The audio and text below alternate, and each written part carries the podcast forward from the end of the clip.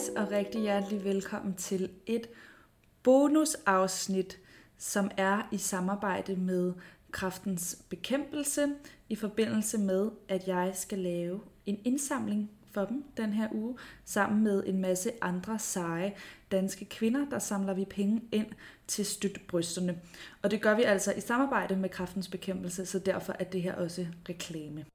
Så det skal handle om at samle penge ind og skabe awareness omkring brystkræft, og det er en et emne, en sag, jeg har haft meget inde på livet personligt, da min egen mor har haft brystkræft.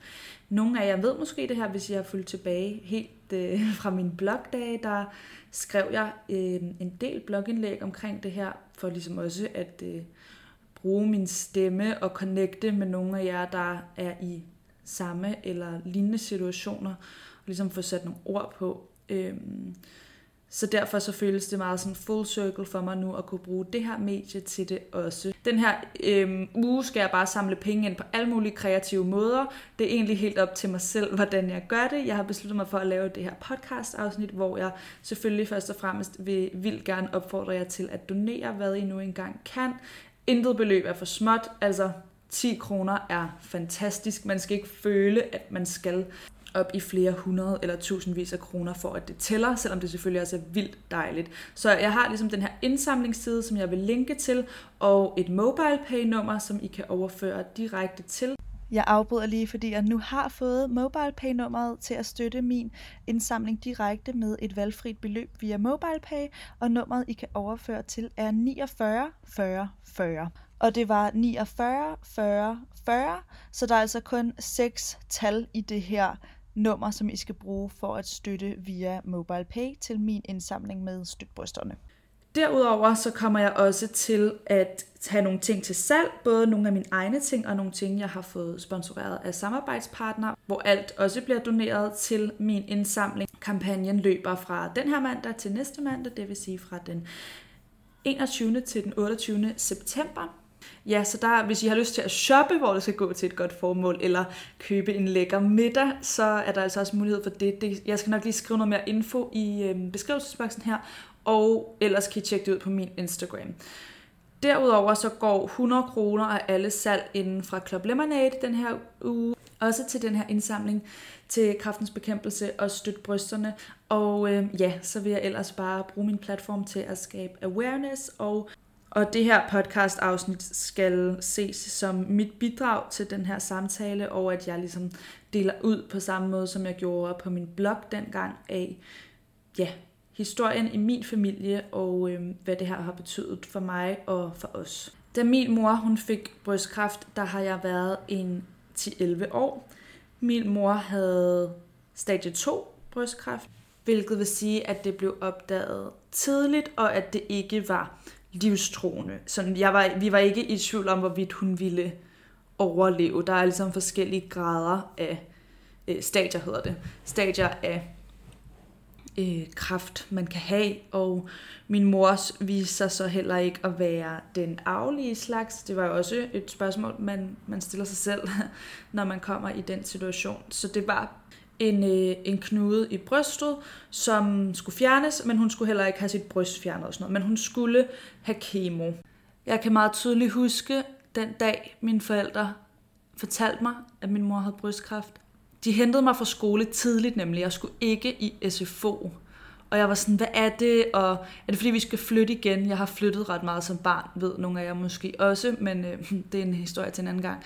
Men jeg var sådan, hvad er det? Eller er det noget med mormor? Jeg, sådan, jeg forstår det ikke. Der var et eller andet, og så kom jeg hjem og satte mig inde i vores sofa, og så forklarede min mor og far mig så stille og roligt, at min mor havde været inde og været tjekket, og at de havde fundet den her knude i hendes bryst, og hvad det så ville betyde. Det ville betyde, at hun skulle have kemo og vil tabe håret.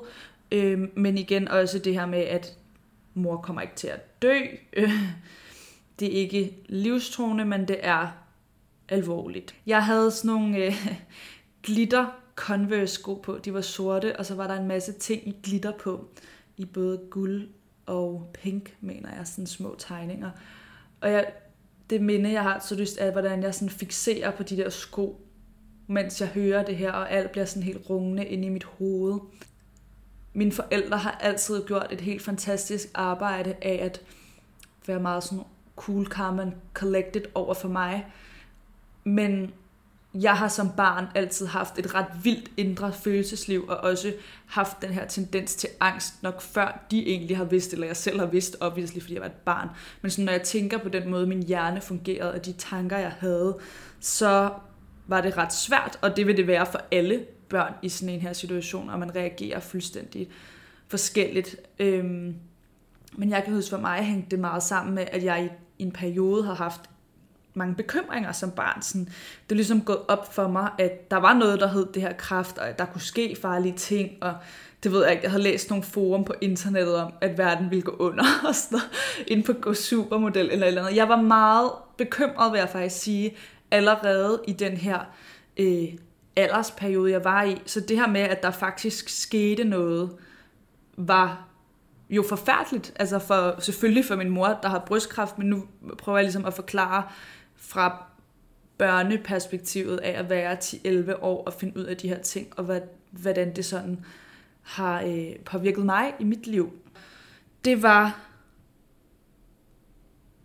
en mærkelig dag, og mange mærkelige følelser, og det er sjovt, for når jeg tænker på den tid, så er noget af det meget klart, og noget af det er meget blurry ting, jeg kan huske, er, at jeg kan huske, at vi var på hospitalet. Jeg kan huske nogle af de kvinder, min mor delte stue med, fordi dem dannede hun ligesom sådan et lille netværk med, og jeg ved også, at øh, to eller tre af dem er her desværre ikke mere. Øh, og der føler jeg mig bare vildt sådan taknemmelig over, at min mor, hun er her stadig, men der er bare så mange, der ikke er på grund af den her sygdom. Og øh, derfor er det bare så fucking vigtigt der. Nå, men øh, jeg kunne ikke lide det. Jeg kunne ikke lide at være på hospitalet. Jeg kan tydeligt huske den der lugt. Og ja, jeg føler, hvis jeg sådan prøver at kigge på mig selv som barn, så blev jeg sådan ret indadvendt omkring det. Og jeg kan huske, min mor hun sov meget. Og jeg husker hende ikke som sådan bange eller ked af det. Min mor er ret stærk. Og jeg kan huske, at vi skulle... Øh, eller da ligesom efter tilpas meget kemo, og så skulle min far barbere håret af, fordi håret begyndte jo at falde ud, så, så kunne man lige så godt tage det hele til et vist punkt. Det er ligesom, der er mange af jer, der måske også kender den her scene fra Sex and the City. Spoiler alert, hvis nogen af en eller anden årsag ikke har set Sex and the City endnu i deres liv, så, øh, ja, så kan I lige så hoppe lidt frem. Men der får Samantha jo øh, brystkræft i sæson 6, mener jeg, hvor at Smith han så også barberer håret af. Øh. Men jeg, i hvert fald min far skulle hjælpe min mor med at barbere hendes hår af, og det var sådan egentlig et meget fint øjeblik, og min mor var faktisk virkelig flot med, øh, både ikke med noget hår, og med, med det her korte hår, hun så langsomt fik igen bagefter.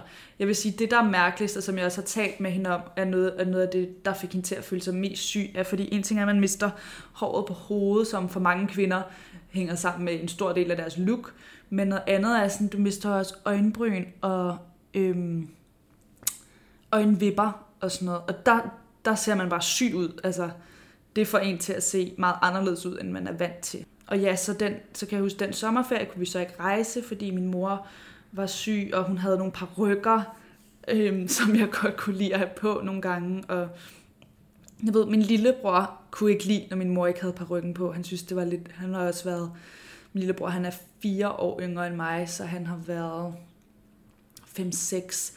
Så jeg kan huske, jeg, han synes, det var sådan uhyggeligt, hvilket jo er meget sådan børneagtigt sødt, men sikkert også lidt hårdt for min mor. Så kan jeg huske, der var en dag, nok lidt inden min mor skulle på kemo, for jeg kan huske, jeg blev mega ked af det. Men mig og mine veninder, vi fulgtes hjem fra skole, og så så vi en dame, der havde jeg ved faktisk ikke lige hvorfor, det er også, hvor skulle jeg vide det fra, men anyway, en dame, der havde sådan kort hår, skaldet, lidt pjusket, øh, hårvækst.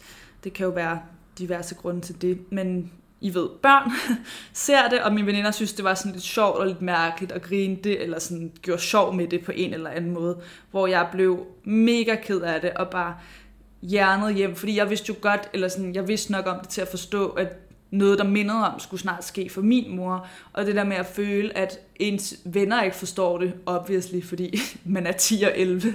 Og øh, det er ikke fordi, de var dårlige veninder eller noget overhovedet. Vanvittigt søde piger faktisk, lige dem jeg var sammen med. Men sådan er det jo bare med børnelogik og sådan verdenssyn, kan man sige, at det, det er nogle gange lidt begrænset og ikke så sensitivt over for de her ting. Og jeg kan huske, at jeg faktisk snakkede med dem om det bagefter, hvor de var vildt søde og forstående. Men sådan den der følelse, jeg kan helt nærmest mærke den nu, sådan den der vrede, frustration, ked af det over, at der sker noget, der er hårdt, og ikke rigtig føle, at de andre forstår det, øhm, er bare lige et, et scenarie, jeg kom til at tænke på, og som jeg gerne vil dele. Og jeg har et rigtig nært og dejligt forhold til min familie, mine forældre.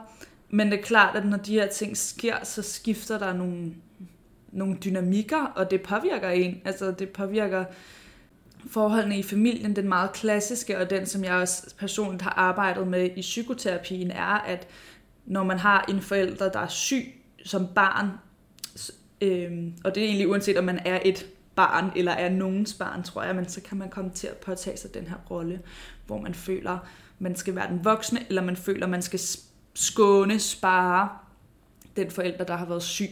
Det kan også opstå i andre scenarier end lige med sygdom, men nu det, det, det jeg kendt fra mig selv, er, at jeg ligesom op i mine teenageår nogle gange følte, at jeg bedre for eksempel kunne tillade mig at blive vildt sur på min far, eller at det gik lidt mere ud over ham, hvis jeg var frustreret med noget med mine forældre, end jeg kunne over for min mor, eller endda at jeg ikke havde lyst til at nu laver jeg citationstegn, men sådan belemre hende med mine problemer, fordi at man bare på en eller anden måde laver det her mm, resonemang om, at man skal skåne forældren, og den er meget, meget klassisk, ved jeg, øh, men det betyder ikke, at det, den ikke findes, for det gør den, og jeg er selv meget bevidst om det, fordi jeg ved også, at min mor i bund og grund, selvom jeg måske får den her følelse, hun ville have, at jeg ikke delte åbent med hende, hvad der foregik i mit liv, eller at jeg kom til hende med problemer. Hun er jo min mor, hun vil jo gerne hjælpe mig. Men før i tiden, der kunne jeg måske føle det, og så kunne jeg se, åh, oh, nu kommer det der. Jeg vælger at gå ind i, at min mor er min mor, uanset at hun har været syg. Øhm, og at jeg er i barnets rolle, og at det er okay, at hun er min forældre, og jeg er barnet, og jeg skal bare være i den rolle. Og ja, alt det her, det er også derfor, jeg bliver sådan berørt, når jeg sidder og snakker om det nu.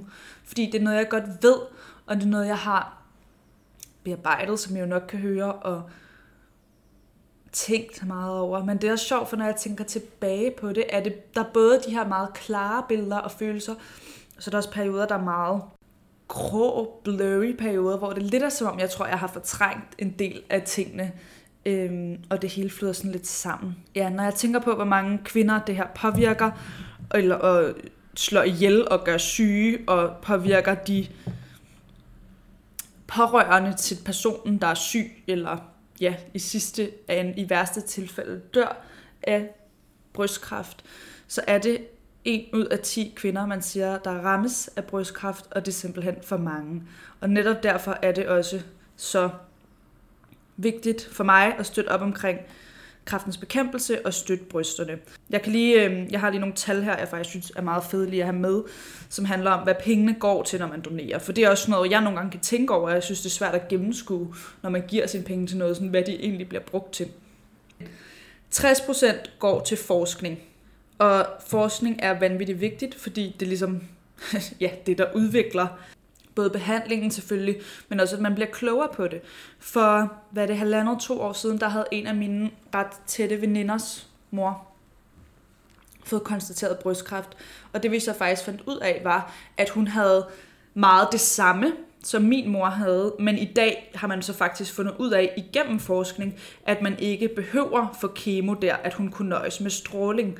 Og det er jo, der har måske også været cirka 10 år imellem det her.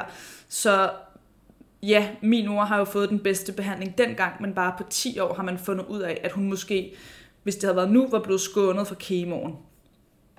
Så på den måde sker der hele tiden udviklinger, både i henhold til selve behandlingen, men også at man bliver klogere på det, der allerede er. 19% går til patientstøtte, som er de her forskellige tilbud til kræftramte kvinder og familier og pårørende, hvor man får rådgivning og en eller anden form for terapi og støtte i den her proces. Så går 18% til oplysning og awareness, som selvfølgelig er vigtigt, fordi at hvis man har det her i baghovedet og lige er opmærksom og kan forebygge, kan øh, gå til de her mammografier, være opmærksom på, hvordan man tjekker sine bryster og de her ting, så kan man faktisk, så står der her på øh, Støtbrysternes hjemmeside, at flere end 4 ud af 10 krafttilfælde kan forebygges. Så derfor er det et vanvittigt vigtigt område også at have det her oplysning med. Og så går 3% til de tre sidste procent.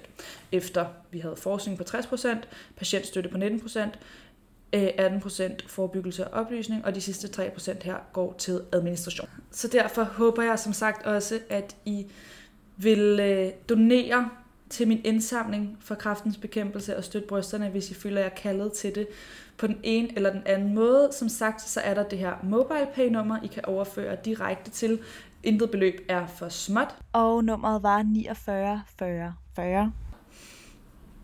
Og så ellers har jeg nogle forskellige ting kørende på mine andre kanaler, og selvfølgelig der er masser af andre måder at støtte dig ude på. I kan købe de der klassiske armbånd, I nok kender ude omkring i butikkerne. Øhm, dele budskaberne selv på jeres egen profil, og øhm, være med til at, til at øge den her opmærksomhed omkring brystkræft også, øhm, hvis nu man føler måske, at man ikke lige har økonomisk overskud til at bidrage på den måde, så kan man også hjælpe med oplysning og awareness-delen på andre måder.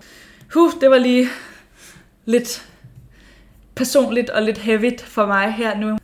Så det er klart, at det er et øhm, følelsesladet emne.